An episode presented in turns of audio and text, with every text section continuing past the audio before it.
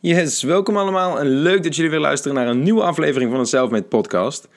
Vandaag ga ik het natuurlijk met jullie hebben over dropshippen en het coronavirus. Het is echt het gespreksonderwerp van de dag. En ik heb hier veel vragen over gekregen van, goh, heeft dit effect op jouw stores? Of eh, zou dat effect hebben op mijn store als ik ga beginnen? Ik zal je alvast meteen een antwoord geven. Uh, ja, misschien heeft het een effect, maar je kan nog prima dropshippen. Het effect zal eerder positief dan negatief zijn. En daar ga ik jullie nu alles over vertellen.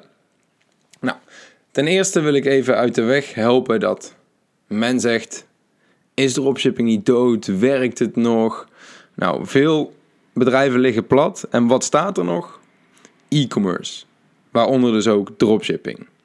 Dus dropshipping is naar mijn inzien echt gewoon een lange termijn business. Het ligt natuurlijk heel erg aan hoe je het vormgeeft. Maar dropshipping is een sterk businessmodel. Zelfs dus in crisistijden zoals dit. Mensen die afhankelijk zijn van hun baas of weet ik veel waarvan, die banen komen nou te vervallen of um, een contract wordt niet meer verlengd of weet ik veel wat de situatie allemaal is. En mensen die hun eigen dropshipping business hebben, die staan nog. En ik wil hem even met jullie over hebben van oké, hoe moet ik naar deze situatie, situatie gaan kijken? Kijk, heel veel dingen gaan veranderen natuurlijk. Dat besef ik ook wel. Niemand weet hoe lang het gaat duren. Maar de verandering die gaat komen, die is alleen maar slecht als jij tegen jezelf zegt dat die negatief uit gaat pakken. Van oh, alles gaat weg en we kunnen niks meer doen. Als je zo gaat denken, dan wordt die verandering inderdaad negatief voor jou. Maar verandering is goed. Zodra jij de skills en ook vooral, daar begint het echt mee, de mindset hebt om je aan te passen aan de verandering. Dus ja, we hebben dadelijk, en nu al misschien minder dan we hadden, maar hebben we echt alles nodig wat we eerst hadden, zeg maar, een week of twee geleden? Hebben we dat echt allemaal per se nodig? Of denken we dat we dat nodig hadden en, en denken we nou, oh help, dit is allemaal weg, dus we kunnen niks meer? Weet je, als jij kan roeien met de riemen die je hebt, ik ben ervan overtuigd dat jij hierdoor tot nieuwe inzichten gaat komen waar jij en je business alleen maar door vooruit gaan. Want je kan dus met minder dingen dadelijk of hetzelfde of misschien nog wel meer resultaat gaan behalen. Oftewel met minder input dezelfde of meer output. Dat is natuurlijk een winsituatie, want we hebben wel zoveel in deze wereld. Maar is dat nou echt allemaal per se nodig? Of zijn we gewoon bang dat het allemaal weggaat omdat we een beetje verwend zijn met wat we allemaal hebben? Dat is hoe ik erover denk. En daarentegen, we hebben nou mega veel tijd. En niemand weet of dit drie weken, drie maanden, of ik hoorde net zelfs van een artikel dat het 18 maanden gaat duren. Niemand weet het. Maar ga in ieder geval niet deze tijd wachten totdat jij actie onderneemt. Je hebt nog nooit zoveel vrije tijd gehad als nu. Dus jouw excuus die jij voorheen had, ja, ik heb een baan en ik heb geen tijd om daarnaast nog mijn business op te zetten of weet ik veel wat.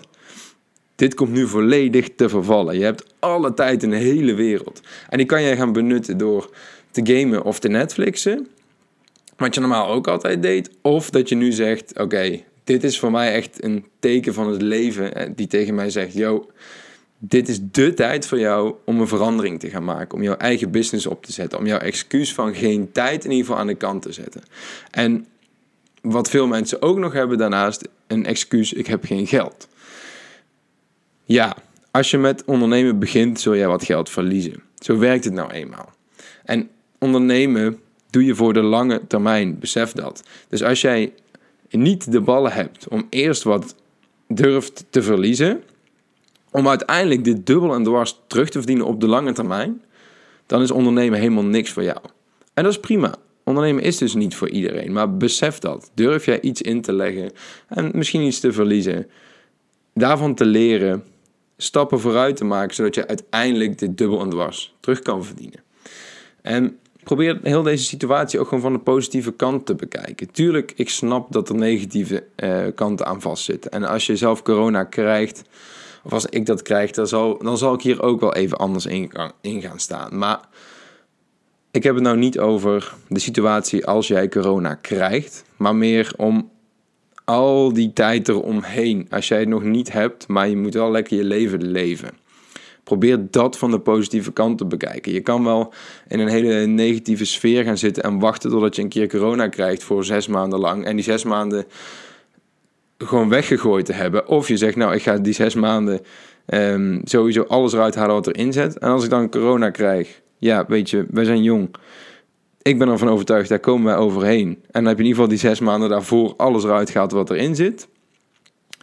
Dus probeer de situatie van de positieve kant te bekijken. En dan wat voorbeelden op dropshipping. Ik doe zelf geen paid advertisement, zoals jullie weten. Maar wat ik wel van velen hoor, omdat veel bedrijven nou minder paid advertisements, bijvoorbeeld Facebook ads gaan doen.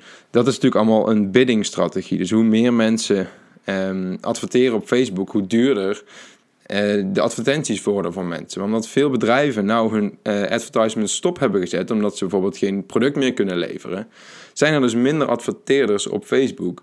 En zijn er dus lagere biddings, dus worden je advertisements goedkoper.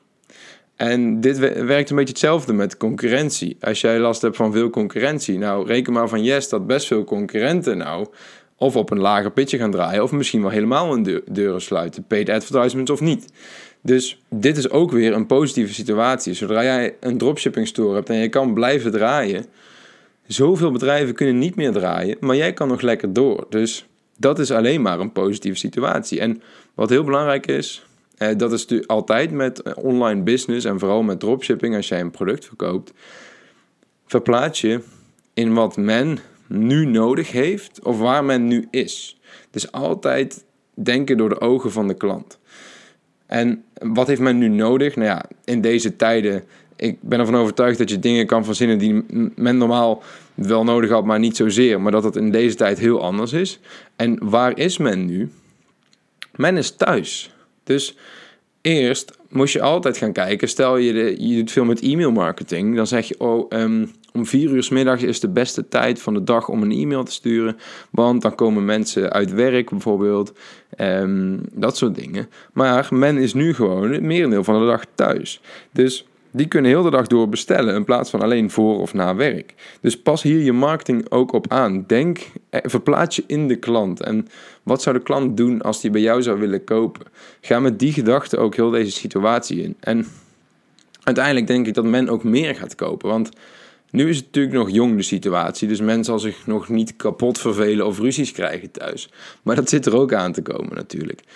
Dat je op een gegeven moment Netflix drie keer uit hebt gespeeld en je nieuwe Call of Duty al vijf keer.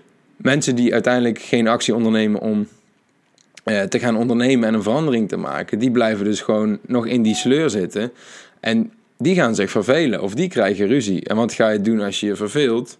Nou, dan ga je toch maar online shoppen. Dus ik ben ervan overtuigd dat dropshipping alleen maar sterker gaat worden in deze situatie, in plaats van dat je achteruit gaat. Want het virus kan ook helemaal niet overgebracht worden via pakketjes of iets dergelijks. Dus leveranciers in China die leveren nog gewoon.